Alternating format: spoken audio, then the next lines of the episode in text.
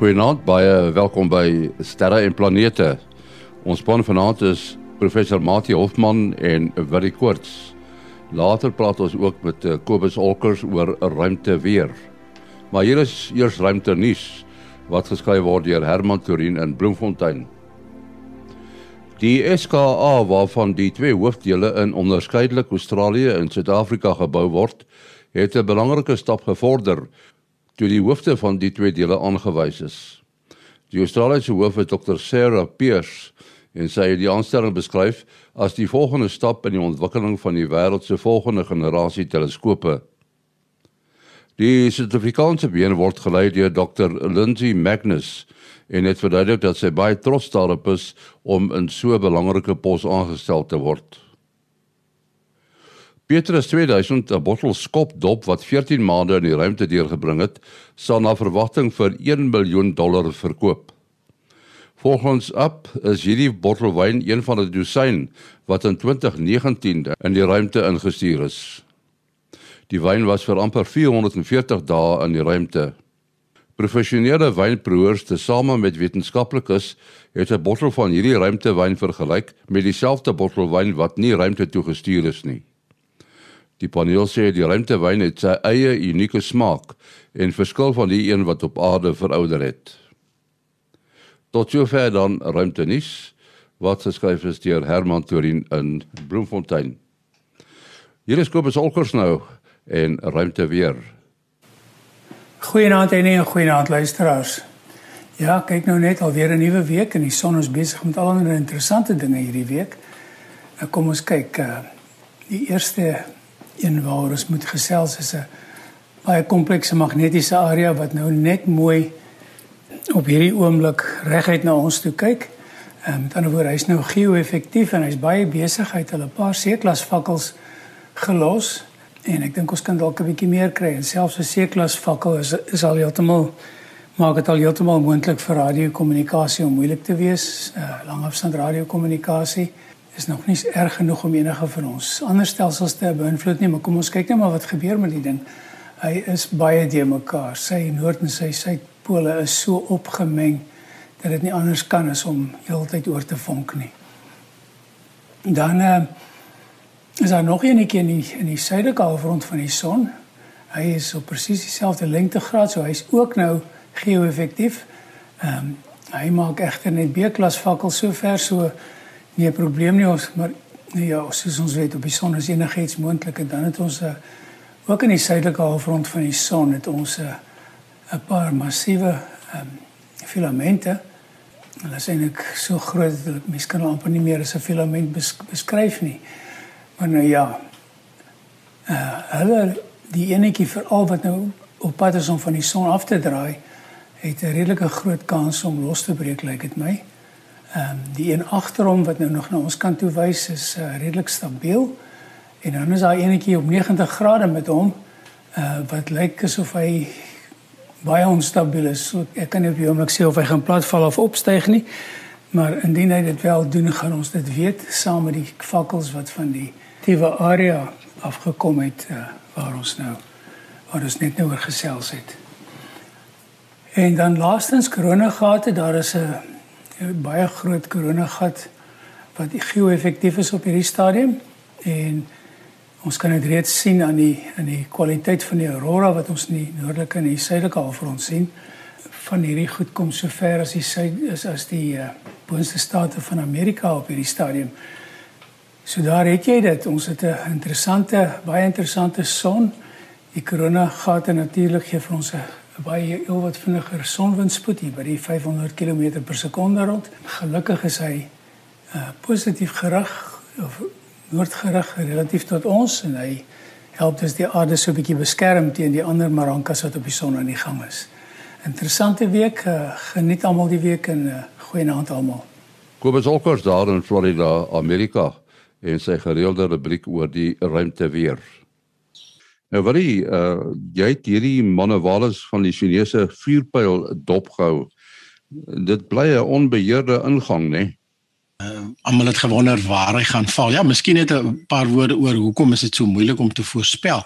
Nou die atmosfeer self, mense dink die atmosfeer gaan tot by 100 km aan eindige daarso, maar hierdie uh vuurpyl was natuurlik in 'n elliptiese baan, so het laag ingekom en dan hoër uh, plekke gekom en um eintlik by 100 km by 100 km is die atmosfeer nog redelik dig eintlik in in vergelyking met met 400 km waar die ruimtestasie en en Hubble en die goeters uh, beweeg. En en selfs hulle um uh, ondervind 'n bietjie sleur as gevolg van um die atmosfeer soos ek sê eindig nie onmiddellik nie. Die atmosfeer is is is eintlik raak net al hoe dunner en dunner en en en ehm um, die sleur raak natuurlik al hoe minder. En uh, dan het die atmosfeer ook ehm um, jy kan maar amper sê berge en dale. En en dit is nie uh, homogeen nie en dit is ook nie so voorspelbaar nie en dit verander as gevolg van sonaktiwiteit en al sulke klas van goedes. So die dit is hoekom hulle slegs lyk like my iets so 6 of so ure voor uh, so 'n vuurpyl gaan val dit uh, regtig um, um, al hoe meer akkuraat kan kan voorspel. En selfs dan, die ding beweeg binne 90 minute uh, reg om die aarde en en die aarde is besig om te draai onder hierdie baan. So uh, erns op daardie spiraal gaan hy uiteindelik val. En um, so dit is natuurlik soos ek sê wat dit nou baie moeilik maak om om presies te voorspel wanneer wanneer so 'n vuurpyl gaan val. Nou die um, dit is die Chinese ruimtestasie se een module wat gelanseer is deur die sogenaamde Long March uh, uh 5B uh vuurpyl. Nou die vorige keer verlede jaar toe die Long March ge, uh, iets gelanseer het, het hulle dieselfde probleme gehad. So is eintlik iets waarna die Chinese moet kyk hierso is is hoekom kan hulle nie die vuurpyl beheer terugbring aarde toe nie. Uh en uh die dis 'n interessante vuurpyl in die sin van dat hy hierdie middelste gedeelte en dan het hy vier sogenaamde boosters wat aan aan dit uh vasge ge, geklamp is. En die boosters val natuurlik baie vinnig af binne die eerste klompie minute na die vuurpyl genoeg uh, spoed het waar baie vuurpyle dan 'n tweede stadium het. So die eerste stadium sal dan staan met die boosters wees en dan 'n tweede stadium en dan die loonvrag wat bo-op sit is is die long marches net is net hierdie sentrale gedeelte. Dis 'n massiewe vuurpyl van oor die 20 ton uh, wanneer hy leeg is, wanneer hy vol brandstof is, is 160 ton. So dit is 'n massiewe hoeveelheid massa wat jy wat jy hier het. En dan wat eintlik moes gebeur is dat hierdie noem dan nou hoofstadium of eerste stadium eh, want dit is die enigste stadium van die vuurpyl uh moet eintlik dan beheers in in laat inval word wat natuurlik oor die see want kyk 70% van die aarde se so oppervlak is see. Maar ehm um, hulle het weer eens lyk like my beheer verloor. Ons het nie baie inligting oor uit China uit wat wat gebeur het en hoekom dit die vorige keer ook gebeur het nie. Maar dit dit raak nou nog al 'n uh probleem wat elke keer weer weer opduik. Ja so op die ou end het die het die vuurpyl daar oor die uh, Arabiese skiereiland die atmosfeer binne gekom op die 9de Mei en en toe net skrams van die Maldives uh so eentjie van Sri Lanka af in die in die see geval. Gelukkig daarom ook in die see. Uh nou sien ek op Facebook mense sê o, wat van die see lewe en die besoedeling en daai ook al ja. Ja, gelukkig op, op daai stadium wanneer so iets die aarde tref, het hy baie van sy momentum verloor. Ek meen hy kom in teen 28600 km/h en dis hoekom dit ook aan die grootste gedeelte daarvan in die atmosfeer uitbrand en dan op die ou en wanneer dit val, is daar eintlik maar baie baie energie verloor. So ehm um, jy sal daarom te tensy jy nou presies op 'n walvis se kop val uh, een van die stukke gaan jy daarom seker nie nie te baie skade aan die aan aan, aan die uh, die seelewe uh, veroorsaak nie. Hmm. Uh, wil jy ek het so 'n bietjie opgelet uh, so dag of 2 voordat hy nou uiteindelik neergestort het, het hy nogal oor Suid-Afrika ook gevlieg. So daar so half van van bo af so oor die min of meer die Karoo dele weet nie of jy daai baans ook dopgehou het nie. Ja, ja nee, ek het hom nogal fyn dopgehou en en gesien, maar kyk, uh, uh, die, die sogenaamde inklinasie is 41 grade.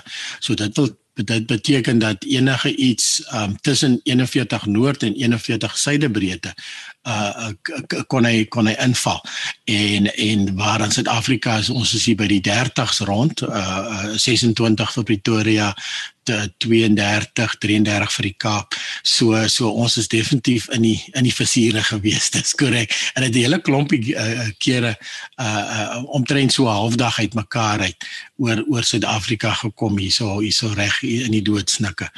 Mense wonder nou wat sou gebeur as so 'n vuurpyl of 'n brokstuk van die vuurpyl op landmassa geval het, uh, wie betaal vir die skade?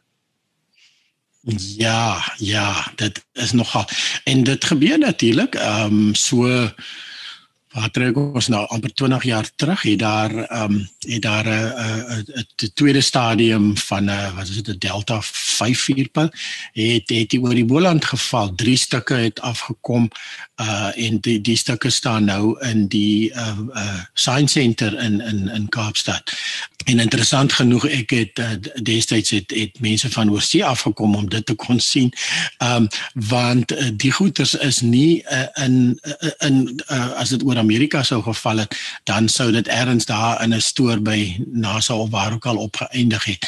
En en en toe hulle uiteindelik begin navraag doen uh so ons persoon uh, keiserrystyk wat uh, die uh, die uitreik um, aksies begin het by by die sterrewag het uh toe hy gesien het van die goeders dit is net mooi die tyd toe die science center aan die gang gekom het daai tyd het onmiddellik gedink dit dit sal nou 'n goeie toevoeging wees en en toe nou dit gaan ehm um, gaan haal by die verskillende polisiestasies Robertson Woester en en in in die ehm um, in Durban wil erns waar die drie stukke geval het en toe hulle nou mooi op 'n uitstalling daar gesit met inligting hoe die vuurbal gelyk het en ook die die traject waar dit ingekom het en die drie het mooi in 'n netjiese lyn geval. Die die tank het eerste geval want hy uh, is die ligste maar is 'n groot ding uh, en toe die uh, titaan uh, so 'n druktankie omtrent so 'n meter deursnee en dan ook die vuurpyl se se nose cone kan jy maar amper sê die uh, wat nou um, al die hitte kan hanteer en is 'n swaar ding en dit het dit verder getrek tot daar by Robertson rond. Op 'n stadium het Amerika blykbaar uh, die uh, wetenskapsentrum genader en gesê uh, julle het van ons stukke daarso en ons wil dit terug hê. Toe sê hulle goed, julle kan enigstyd terugkry. Ehm um, wat gaan julle vir ons in die plek daarvan gee om uit te stal? Uh toe sê hulle nee, ons kan niks sê. Hoekom wil julle dit hê? Nee, ons wil navorsing doen daarop sê maar. Stuur maar julle mense hiernatoe dan kan hulle navorsing kom doen. So ja, hulle sê mos possession is is, is is two thirds of the law so iets nê. Ons het hier 'n brief van Jaco Andersen gekry en hy het 'n uitgebreide vraag oor die ontdekking van lewe op op eksoplanete. Maat jy daarna gekyk? Uh ja, dit is nogal 'n goed geformuleerde uh vraag en nie al die vrae so ewe maklik om te antwoord nie.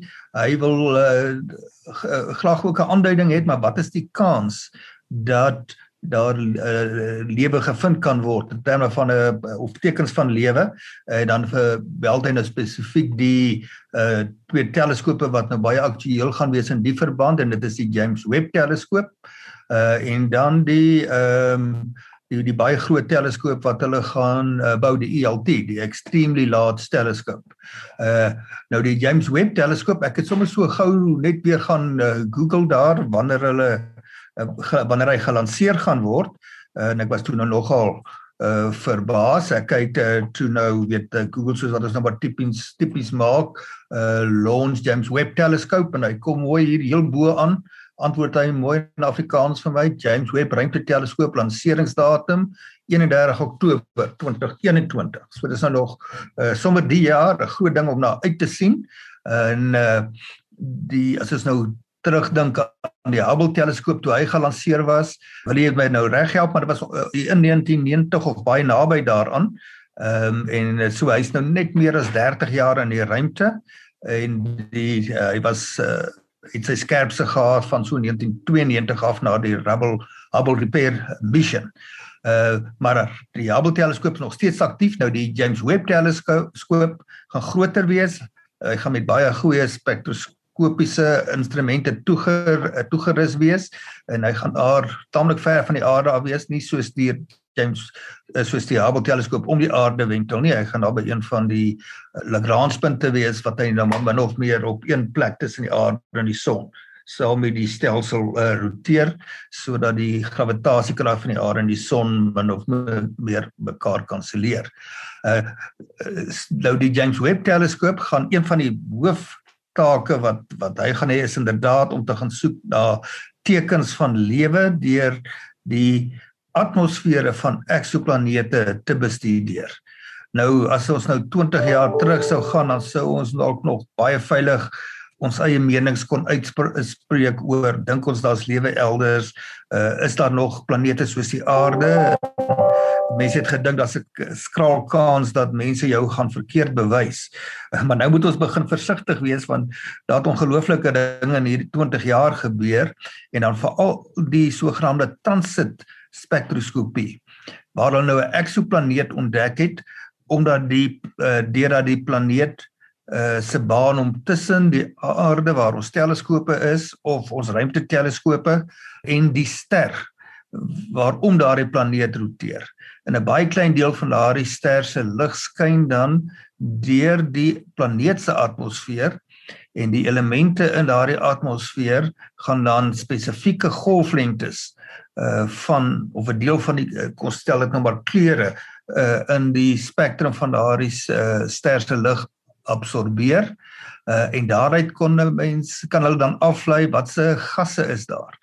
Nou dis baie makliker gesê as gedoen. Hulle moes van die grootste teleskope gebruik soos die Hubble teleskoop self, uh, dan die Keck 1 en die Keck 2 en uh, seker sekerlik sal hulle die ELT die extreme large teleskoop daarvoor ge, uh, gebruik maar dit is wat die James Webb teleskoop nou dan spesifiek gaan doen.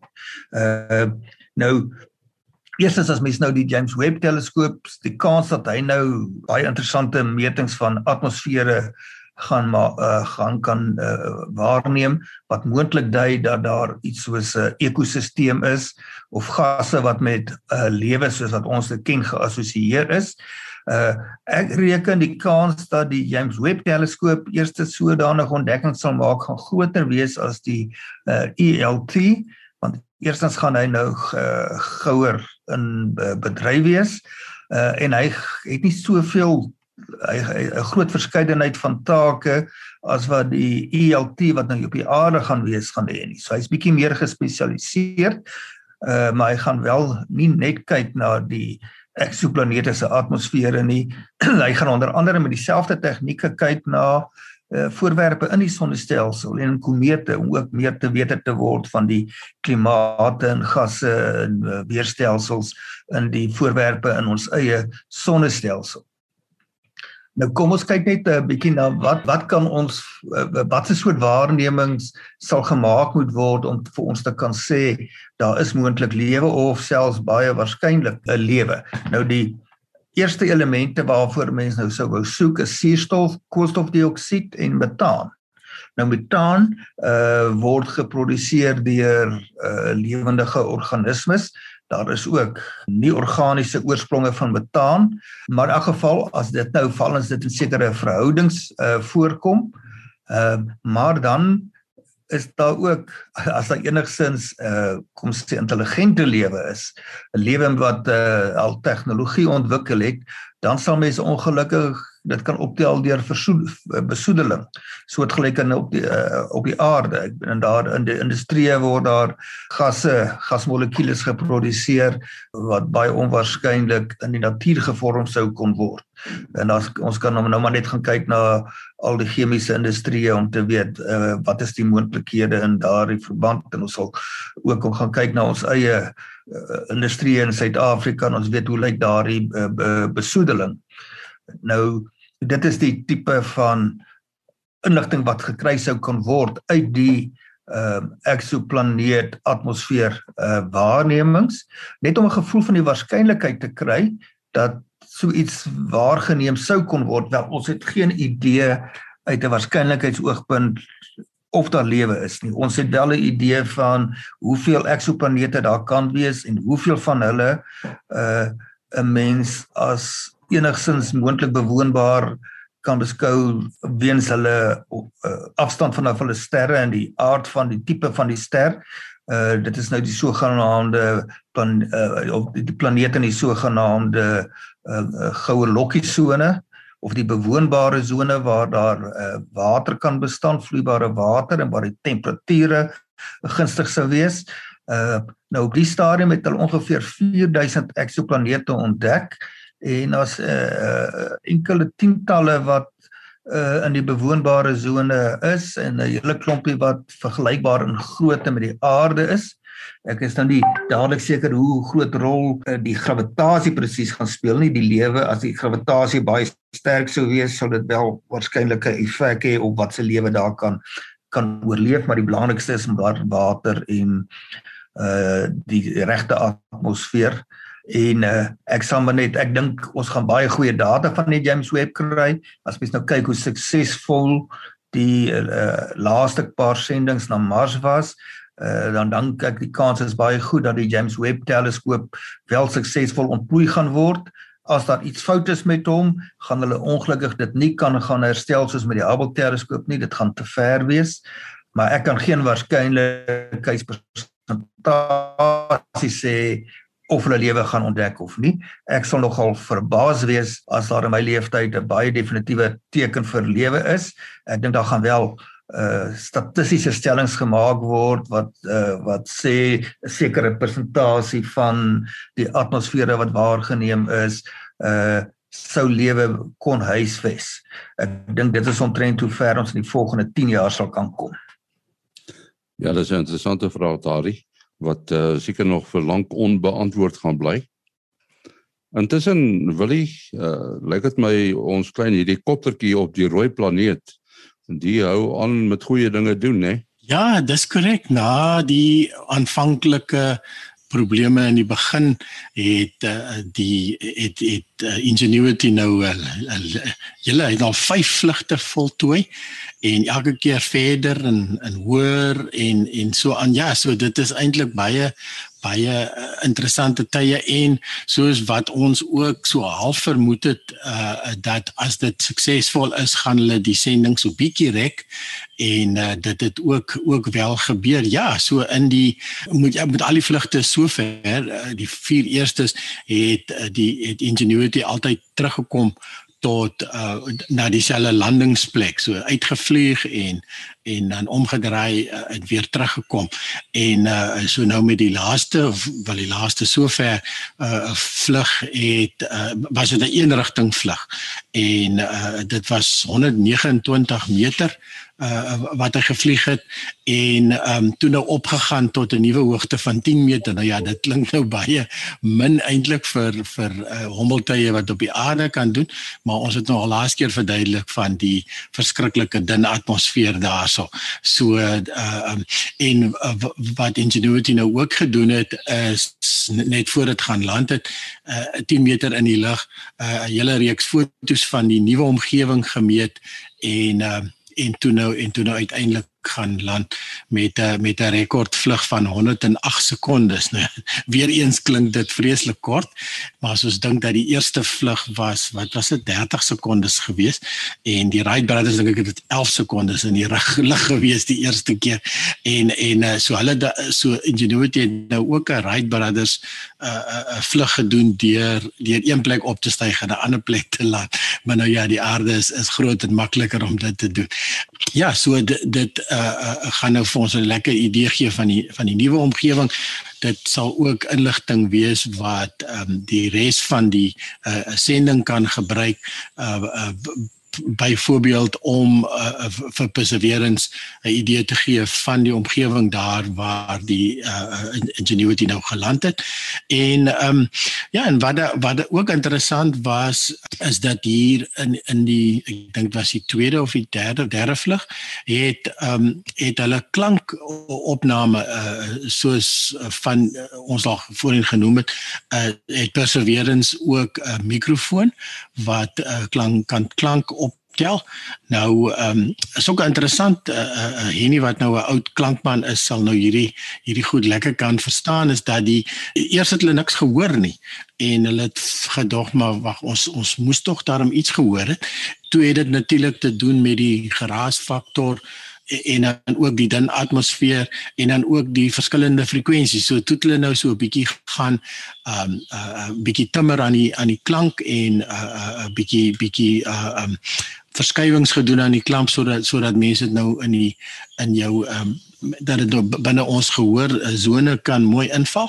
Dit was nou baie interessant om te hoor hoe die hoe die helikoptertjie vlieg op op Mars en uh, dit klink glad nie soos 'n soos 'n hommeltuig op aarde nie want ons moet nou onthou hierdie hierdie uh, propellers is baie lank uh um wat se 1.2 meter as ek reg onthou en hulle uh, uh, draai teen 'n geweldige spoed so dit sal glad nie klink soos 'n helikopter op aarde nie want helikopters se se lemme dit, draai omtrent wat dit 4 of 5 maal stadiger op op aarde met die met die dikker atmosfeer hierso. Ja, so 'n uh, interessante klompie inligting en navorsing wat uh, nou deur Ingenuity ingewin word en soos hulle in die begin gesê het hierdie is eintlik maar 'n ingenieurs uh, demonstrasie. Dit is nie heeltemal bedoel om om nou al vir perseverance te help om te weet waar om te ry nie. Ehm um, maar sover uiters suksesvol. Nou op daardie klankryke noot moet ons afskeid neem. Matie, jou besonderhede. 'n Selfoonnommer 0836257154. 0836257154. En dan joune Willie is 0724579208. 0724579208. En dan die program se e-posadres sterreplanete@gmail.com. sterreplanete@gmail.com. Volgende week is ons terug. Tot dan, mooi dop.